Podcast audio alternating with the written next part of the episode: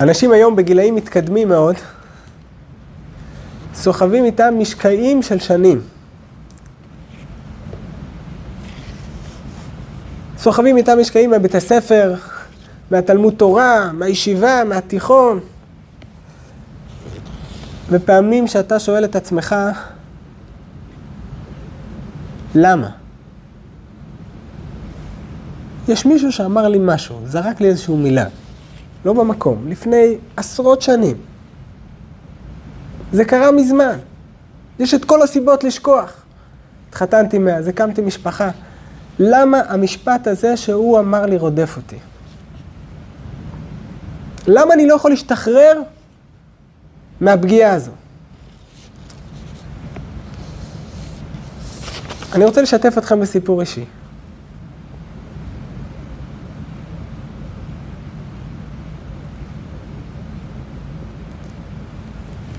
כשאני נכנסתי לישיבה קטנה,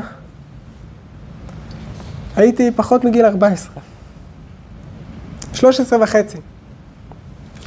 עברתי מתלמוד תורה לישיבה.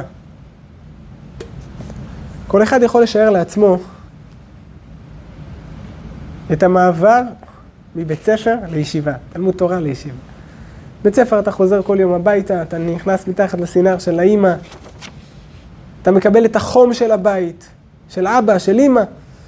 כשאתה נכנס לישיבה, אתה נכנס לתוך מסגרת של פנימייה, אתה חוזר הבית אחת לשבועיים, אחת לשלושה שבועות. בפרט אם אתה בן זקונים, עוד יותר קשה. לא פשוט המעבר הזה.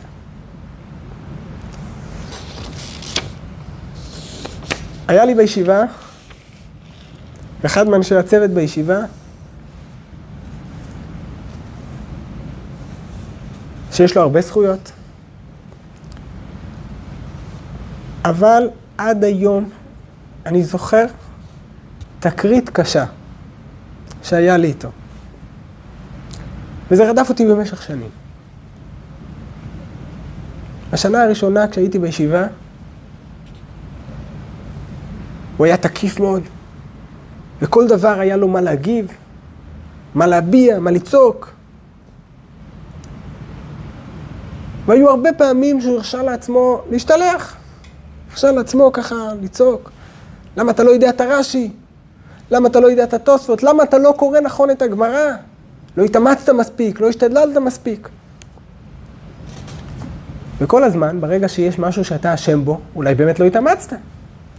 זה דברים שאתה יכול לספוג. כי יש לזה סיבה.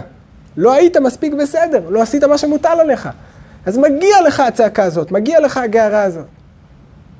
אולי לא פרופורציונלית, אבל זה קשור עם מעשה שאתה עשית.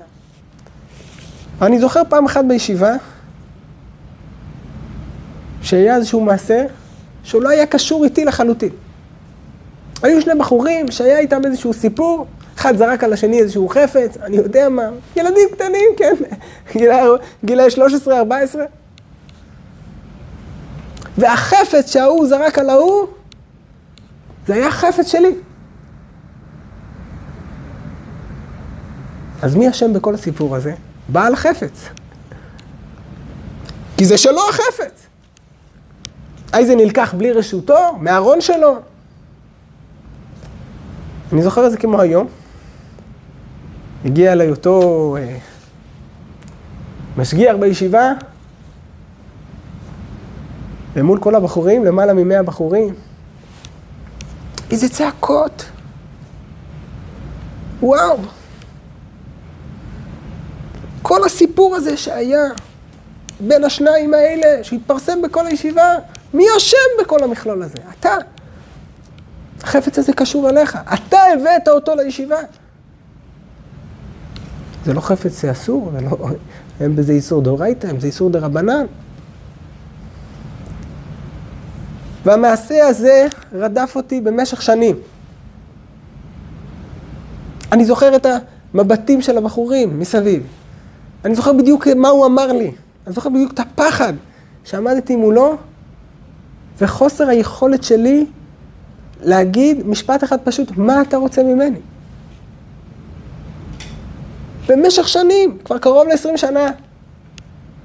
הסיפור הזה רודף אותי ומפעם לפעם צף בזיכרוני אותו התמונה שאני עומד בפתח בית המדרש, ומול כל אותם עשרות בחורים, אני שומע ממנו את אותם הצעקות במשך עשר דקות או רבע שעה.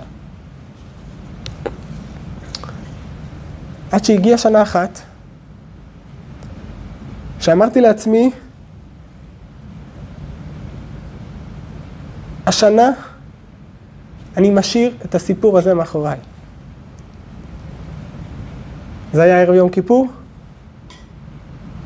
נכנסנו לשנה חדשה, ואמרתי לעצמי, הקדוש ברוך הוא תעזור לי. השנה הזאת, הסיפור הזה, אני משליך אותו לפח הזבל של ההיסטוריה. אני נכנס לשנה חדשה, ואחרי יום כיפור אני יוצא נקי לחלוטין. את הסיפור הזה אני ממשיך, אני משליך מאחריי. אני לא אדבר עליו, אני לא ארגיש אותו יותר, ואני אשתדל עד כמה שאני יכול גם לא לחשוב על הסיפור הזה.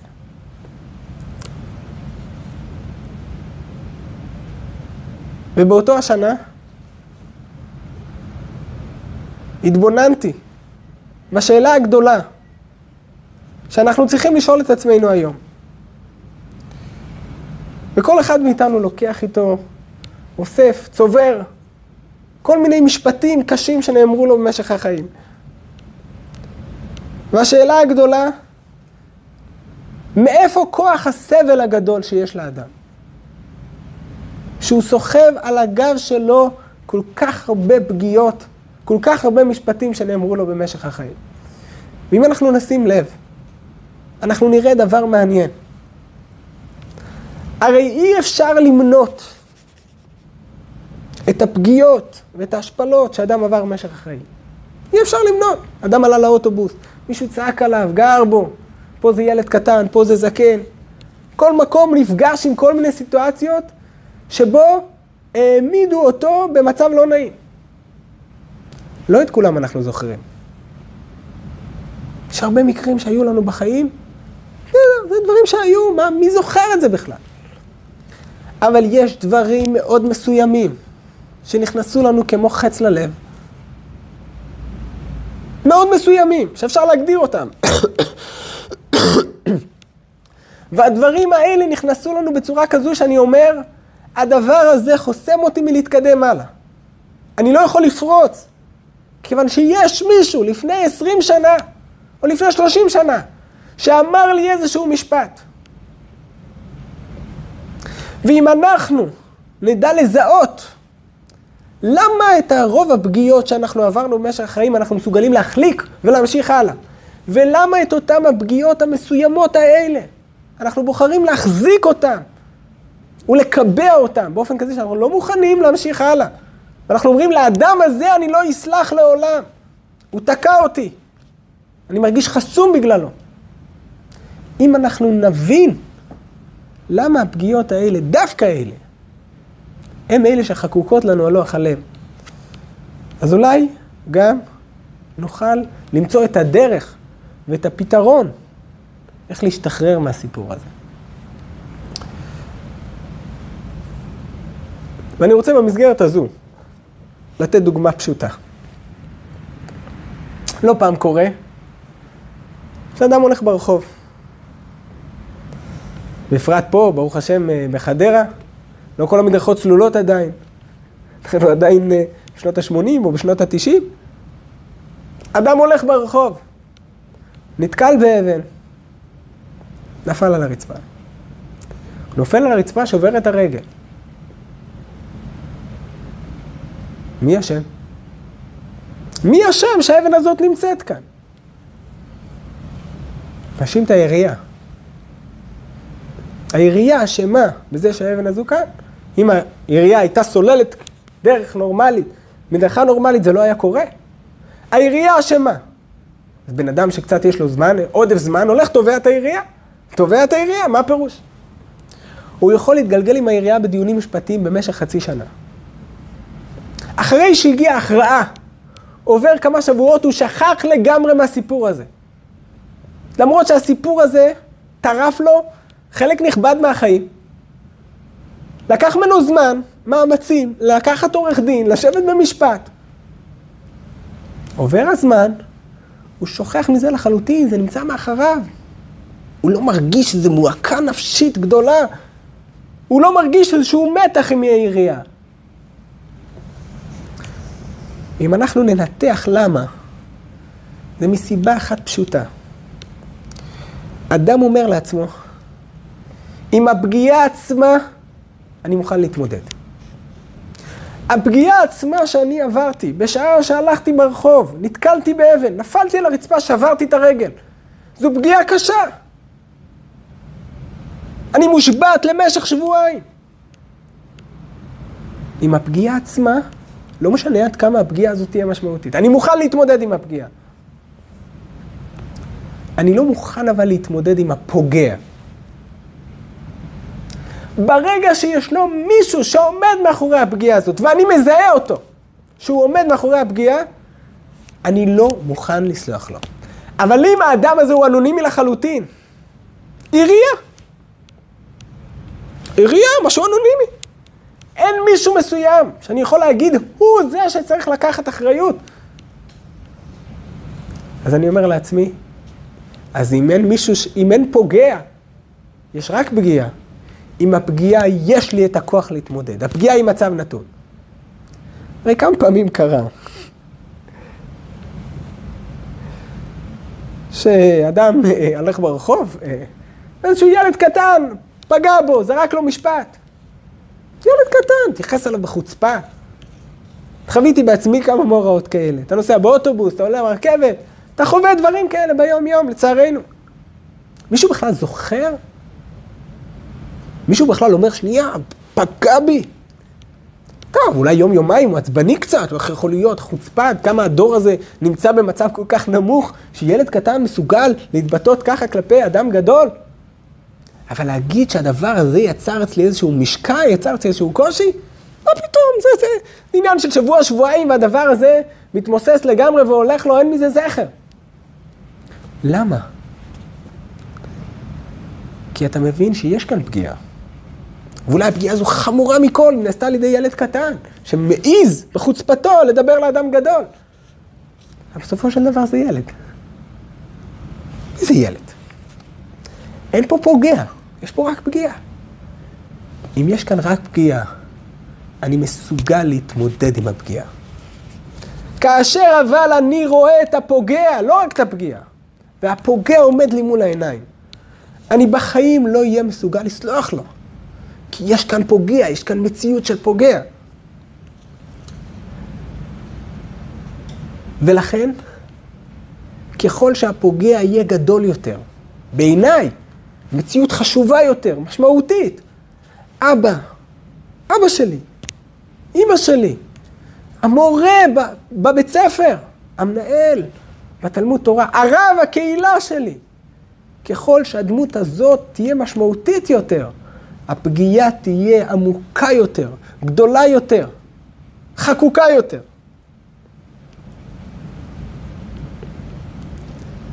אנחנו רואים כמה פעמים שכאשר אנחנו מדברים עם אנשים שלא עלינו נפגעו בצורה כזאת או אחרת, עברו כל מיני פגיעות, אפילו פגיעות קשות, ואתה מדבר איתם, תשימו לב, אתה מדבר איתם, ואתה אומר להם, תביעו את הרגש שלכם כלפי הפגיעה. הם ידברו איתך הרבה הרבה. לא על הפגיעה, על הפוגע. הוא בא אליי בלילות, הוא רודף אותי, הוא צף בזיכרוני. אני לא מסוגל לראות את הבן אדם הזה. במילים הפשוטות, מה הם אומרים? הפגיעה היא מצב נתון. עם הפגיעה עצמה יש לי כוחות להתמודד. אבל כאשר אני מאחורי הפגיעה הזאת מעמיד את הפוגע, אני בחיים לא אסלח לו. אם אנחנו בשיעור הזה נוכל לעשות נתק בין הפגיעה לבין הפוגע, ולהגיד שלמרות שהפוגע ייענש בחומרה על מעשהו, אבל אין שום קשר בינו לבין הפגיעה. אם אנחנו נוכל להגיע למקום הזה, שבו אנחנו יוצרים נתק בין הפגיעה לבין הפוגע, נוכל, אני לא אומר בקלות, אולי זה יומרני מדי, לא בקלות, אבל יהיה לנו היכולת להתגבר על הפגיעה. כי הפגיעה עצמה כמצב נתון, אנחנו בהחלט יכולים להתמודד איתה. אני רוצה לספר סיפור. יש אחד מהיהודים, בדורות האחרונים, קראו לו רבי שלמה מזוויל. קבור בירושלים, יש אנשים שעולים לקברו מפעם לפעם. היהודי הזה, רבי שלמה מזוויל, היה ידוע כאדם אוהב ישראל, בצורה בלתי רגילה. הוא גם, גם התנהג מאוד מאוד בפשטות. מאוד בפשטות. ראו אותו פעם אחת באמצע השוק, סוחב סלים, עוזר לאיזה מישהו לסחוב, ההוא לא ידע בכלל מי מדובר. כן, לא ידע שההוא יש לו אלפי תלמידים, ומדובר באדם מיוחד. הוא פשוט עוזר ליהודי לסחוב סלים. מספרים שבאחד הפעמים התפרץ אליו לתוך החדר אחד מהחסידים שלו, ואמר לו, רבי, תעזור לי. שואל אותו, מה קרה? אמר לו, כבר שנים שיש לי חנות מכולת בירושלים, ובשבועות האחרונים הגיע בן אדם, פתח חנות מכולת בצד השני של הרחוב. מאותו יום שההוא פתח את החנות, רבי, אני נמצא במצב כלכלי גרוע. הוא גוזל ממני את הפרנסה. הוא פשוט גוזל ממני את הפרנסה. רבי, תעזור לי. יש לך השפעה על היהודי הזה, תדבר איתו, תסביר לו. משיג גבול רעהו. זו השגת גבול. היהודי הזה דיבר עם הרבה להט, הרבה כאב.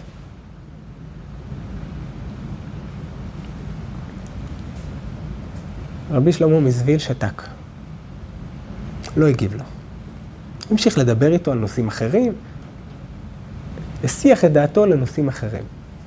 תוך כדי שהם מדברים, אז אותו יהודי מספר לו, אומר לו, רבי, אתה לא מאמין. אתמול ישבתי באיזה שיעור, שמעתי סיפור נפלא על אחד מתלמידי הבעל שם טוב, שישב פעם עם התלמידים שלו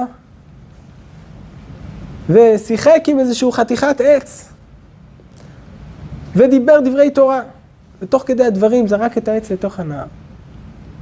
למחרת ראו בתוך הנהר צמח שם עץ נפלא עם פירות יפים.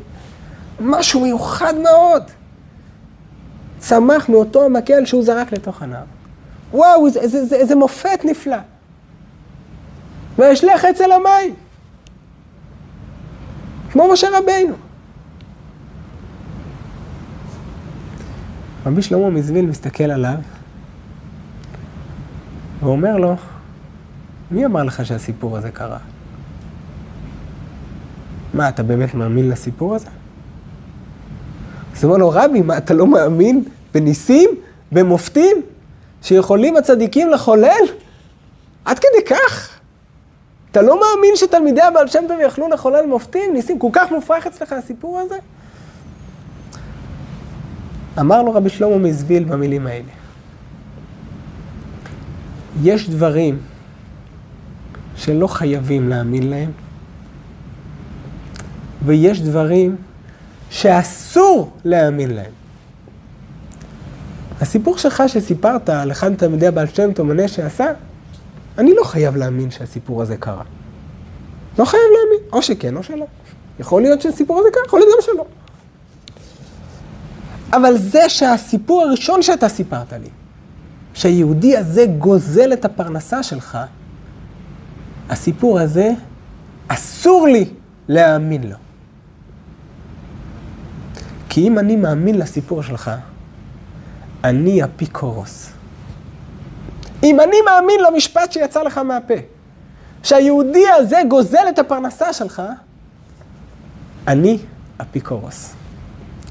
סיים את הדברים ואמר לו, אתה אברך טוב, אברך משי, חבל לך לחשוב כאלה שטויות. במילים הפשוטות אמר לו, אתה יש לך קשיים בפרנסה? יש לך קושי, אתה לא גומר את החודש.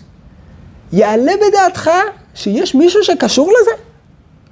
התמונת מצב שלך, תמונת המצב שלך בפרנסה, זה המקום המדויק שבו הקדוש ברוך הוא רוצה אותך.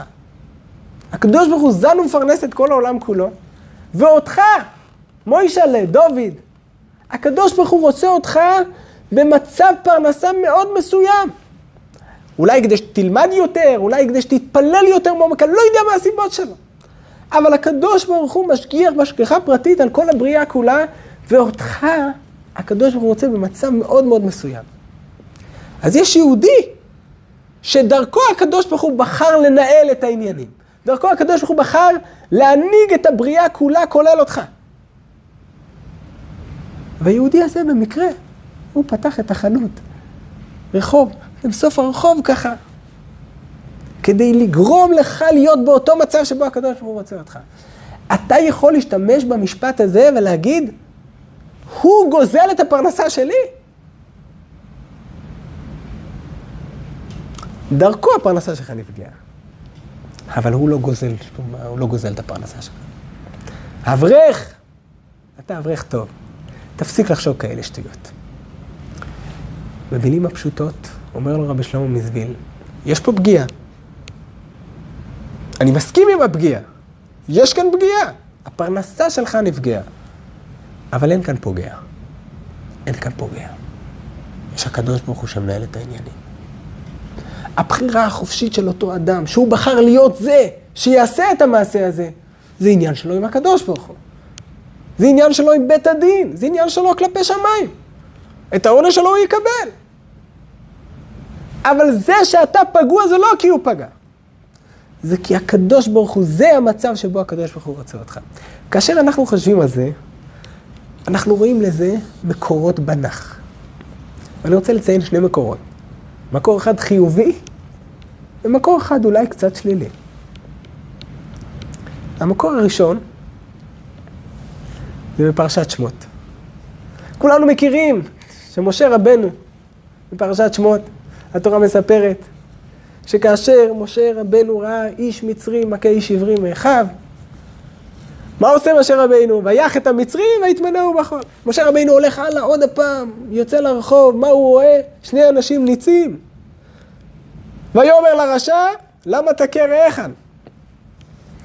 אומר לו אותו אחד, הלאורגני אתה אומר כאשר הרגת את המצרי? מה עושה משה רבינו? אומר, אכן נודע הדבר, בורח לאיפה? למדיין. ממצרים הוא בורח למדיין. מגיע למדיין, יושב על הבאר, המקום האידיאלי, כן?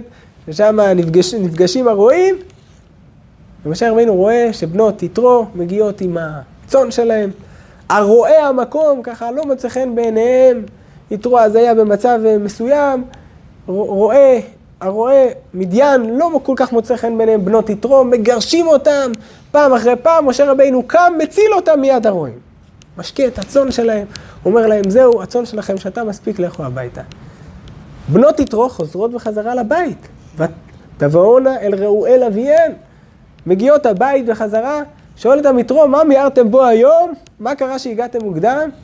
מה הם אמרו לו? למה הגענו מוקדם היום? למה באמת הגענו מוקדם היום? אומרת התורה, התשובה שעונות בנות יתרו ליתרו. מה הסיבה שהם יראו לבוא מוקדם? איש מצרי הצילנו מיד הרועים. איש מצרי הצילנו מיד הרועים. מי זה איש מצרי? אם אנחנו חושבים, משה רבינו. משה רבינו. אומר המדרש, איך ייתכן שזה משה רבינו? משה רבינו איש עברי, לא איש מצרי. מה זה איש מצרי הצילנו מיד הרועים? אומר המדרש, איש מצרי זה אותו האיש מצרי ש, שכתוב שאיש מצרי מכה איש עברי מאחיו. שם הסיפור מתחיל. ויח את המצרי ויטמנהו בחול. אותו איש מצרי שהיכה איש עברי מאחיו, משם הסיפור מתחיל. במילים פשוטות אומרות בנות יתרו ליתרו, אתה חושב שהסיפור הזה מתחיל כאן? יש, הגיע פה איזה איש עברי שבדיוק הציל אותנו? יש תמונה רחבה, יש תכלית. יש מעגלים מעגלים של, של דברים שקדמו לזה שמשה רבינו הציל אותנו מיד הרועים. הנוכחות של משה רבינו על הבאר, שהיא הצילה אותנו מיד הרועים, מתחילה הרבה קודם. היה סדר השתלשלות שלם, שהקדוש ברוך הוא סידר את העניינים באופן כזה, שאנחנו נגיע שעתיים או שלוש מוקדם הביתה. אז למה לך להסתכל על הדברים בצורה צרה כל כך, ולהגיד, יש פה מישהו שהציל אותנו? יש, יש פה משהו כללי יותר. יש פה מעבר. ועל דרך זה גם כן, אנחנו רואים בסיפור המפורסם כל כך של דוד המלך, אבל צריכים להתבונן בו. דוד המלך, כאשר חוזר ממלחמת אבשלום, כאשר בורח מ... מ... במלחמת אבשלום, דוד ואנשיו, אפשר לתאר לעצמנו, כל אחד יכול לחשוב לעצמו. מצב של מלחמה זה לא מצב קל. ולא סתם מלחמה, מלחמה בתוך הבית. מלחמת אחים. ומה זה מלחמת אחים? אבשלום, בנו של דוד המלך, נלחם בדוד המלך. מה יכול יותר גרוע מזה? אפשר לתאר לעצמנו איזה מצב דוד המלך נמצא.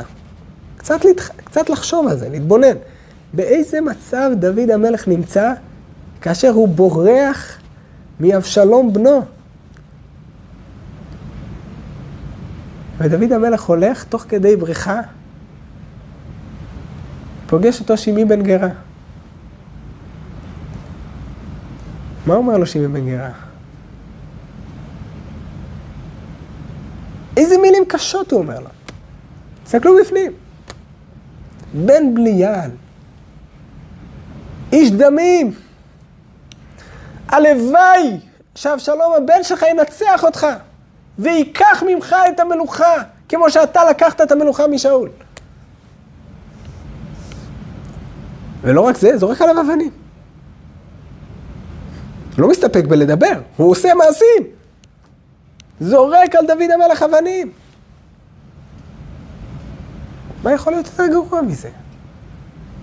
עומד יואב בן צרויה בצד ולא יכול לשתוק. מבקש דוד המלך רשות. תן לי רשות, אני אוריד לו את הראש. הוא השתמש בביטוי, קרא לו כלב מת. תן לי רשות, אני, אני, רגע אחד. אז דוד המלך עומנה לו במשפט, מה לי ולכם בני צרויה? אומר, מה לי ולמחשבה הזאת בכלל? ואז דוד המלך מתחיל להסביר לו. תגיד לי, אתה חושב, עולה בדעתך, ששימי בן גרה עושה זאת מעצמו? שימי בן גרה מזיז את השפתיים שלו מעצמו? הרי אין אדם נוקף אצבעו מלמעלה, מלמטה עד שמכריזים עליו מלמעלה. עולה בדעתך, הרי הזזת אצבע אין לה משמעות גדולה. אבל הזזת השפתיים יש לה משמעות גדולה מאוד. הדיבור של אדם יש לו כוח חזק מאוד. ישראל כוחם בפה. יש לך מחשבה ששימי בן גרה מצליח להזיז את השפתיים שלו בלי שניתן לו רשות על כך מלמעלה? אומר דוד המלך ליואב, השם אמר לו כלל.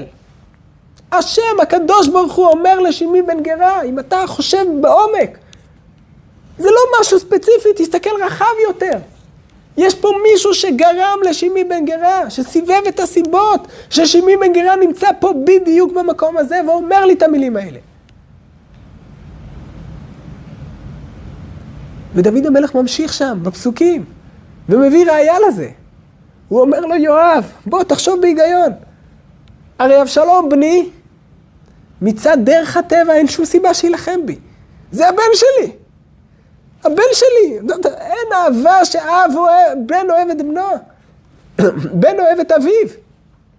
שום סיבה טבעית אין שבן יילחם עם אבא שלו, מלחמת חורמה כזו כמו שהייתה שמה. שום סיבה טבעית לא קיימת, אז למה זה קרה? הקדוש ברוך הוא מנהל את העניינים. הקדוש ברוך הוא מנהל את העולם. אומר דוד המלך ליואב בן צרויה, אז אתה לא יכול להבין שזה ששימי בן גרה עומד כאן ומקלל ומגדף ואומר מילים קשות, במצב קשה שדוד נמצא בו. אתה לא יכול להפנים שהשם אמר לו כלל. תסתכל רחב. זה לא איש מצרי הצילנו מיד הרועים. זה לא משהו ספציפי כאן, מקרה ספציפי שקרה כאן. זה משהו הרבה יותר רחב, משהו הרבה יותר גדול. תסתכל קצת מעבר לתמונה. מה שנקרא היום, תעשה זום אאוט. תצמצם פיקסלים. אתה מסתכל על התמונה קרוב מדי, תתרחק. יש פה משהו עצום, יש פה משהו גדול. יש לאדם שליחות בעולם הזה. ויש לו נקודת מוצא לשליחות ויש לו נקודת יד לשליחות. והשליחות הזאת צריכה להתבצע כאשר אדם עובר כל מיני מאורעות, לש... כל מיני מאורעות בחיים שלו.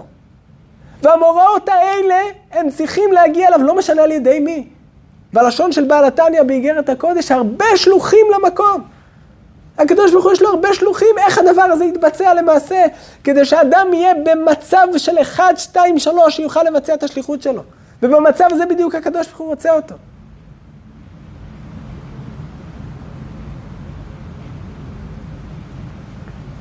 אז אתה, יש לך תובנות, אומר דוד המלך ליואב, מה לי ולמחשבה שלך בכלל? מה לי ולכם, בני צרויה, הלשון שם? אני לא חושב בסגנון שלך. אני לא חושב בסגנון המצומצם שלך, שאתה רואה רק את שימי בן גירה, שהוא מקלל, מחרף ומגדף, זורק אבנים. אני רואה הרבה מעבר לזה. אני רואה שיש פה הנהגה אלוקית. השם אמר לו כלל. אני זוכר לפני שנתיים, כשהיה לצערנו מה שנקרא אסון מירון, שנספו שם אנשים יראים ושלמים, שומרי תורה ומצוות. ואנשי התקשורת, שחיפשו את ה... איך זה נקרא היום? סקופ. חיפשו את ה... איזשהו חידוש, משהו שיעניין. רדפו אחרי יורים שאיבדו ילדים, או אחרי אחים שאיבדו את יקיריהם, ושאלו אותם, מי אשם בזה? ותחזרו אחורה, היום הכל נמצא. שאלו את אותם אנשים, מי אשם? את מי אתם תתבעו? את מי אתם מאשימים בכל מה שקרה? ואותם הורים, אותם אחים, עמדו זקופי קומה ואמרו, אנחנו לא מאשימים אף אחד. אנחנו ניתן את כל האינפורמציה. כל מה שצריך כדי שהדבר הזה לא יחזור על עצמו. אבל להגיד שהפגיעה הזו שייכת לפוגע, הוא ייצר את הפגיעה. הפגיעה הזו מתייחסת אליו. הוא הראש שממנו הכל התחיל. בשום פנים ואופן, לא מוכנים לחשיבה הזאת. מה לי ולכם בני צרויה? מה לי ולחשיבה הזאת? הם אמרו המצב הוא מצב נתון. הפגיעה היא פגיעה קשה. מי ישורנה? אי אפשר לשער את הפגיעה הקשה הזאת. פגיעה קשה. אבל שאני אגיד שהפגיעה התחילה ממנו, רק הפוגע נמצא פה מאחורי הפגיעה, לא. יש השגחה פרטית, יש הנהגה אלוקית, יש הרבה מעבר לשימי בן גרה. יש הרבה מעבר, יש איש מצרי הצילנו מיד הרועים. יש הרבה מעבר, זה לא התמונה המצומצמת שאנחנו רואים. עמדו זקופי קומה ואמרו את המשפט, מה שיהודים מאמינים בו. אנחנו לא מטילים אשמה על אף אחד. איך אמר אחד? אני בירכתי בהלוויה, ברוך דיין האמת, ואני לא חוזר בי. מה אתה שואל אותי שאלות? מי אשם? מה אשם? לפני כמה ימים הייתה הלוויה, ואני בירכתי, ברוך אתה השם, דיין האמת. יש פגיעה? אני יודע שיש פגיעה. הפגיעה היא מצב נתון. הפוגע, דרכו, הוא אפשר את הפגיעה. הוא אפשר את הפגיעה. אז זה שהוא היה זה שבחירתו החופשית אפשרה את הדבר הזה, הוא, זה עניין שלו, יקבל את העונש. הסתדר עם הקדוש ברוך הוא. אבל ברגע שאני מבין שהפגיעה הזו שייכת אליי בלי קשר לפוגע, הפוגע הוא לא זה שעומד מאחורי הפגיעה, אלא הוא אפשר אותה, אבל הוא לא זה שעומד מאחוריה. ברגע שאני מנתק את הפגיעה מהפוגע, הרבה יותר קל לי לסלוח, הרבה יותר קל לי לספוג, הרבה יותר קל לי להתגבר, כי זה מצב נתון שאני צריך למצוא את הדרך כדי להתעלות ולהתרומם מהפגיעה הזו ולהמשיך לפרוח הלאה. אני רוצה לסיים בסיפור. היה משפיע ב, בישיבה בכפר חב"ד, קראו לו הרב מנדל פוטרפס. היהודי, בעל מסירות נפש גדולה, עוד בזמנים ההם ברוסיה, ותלמידיו הבחינו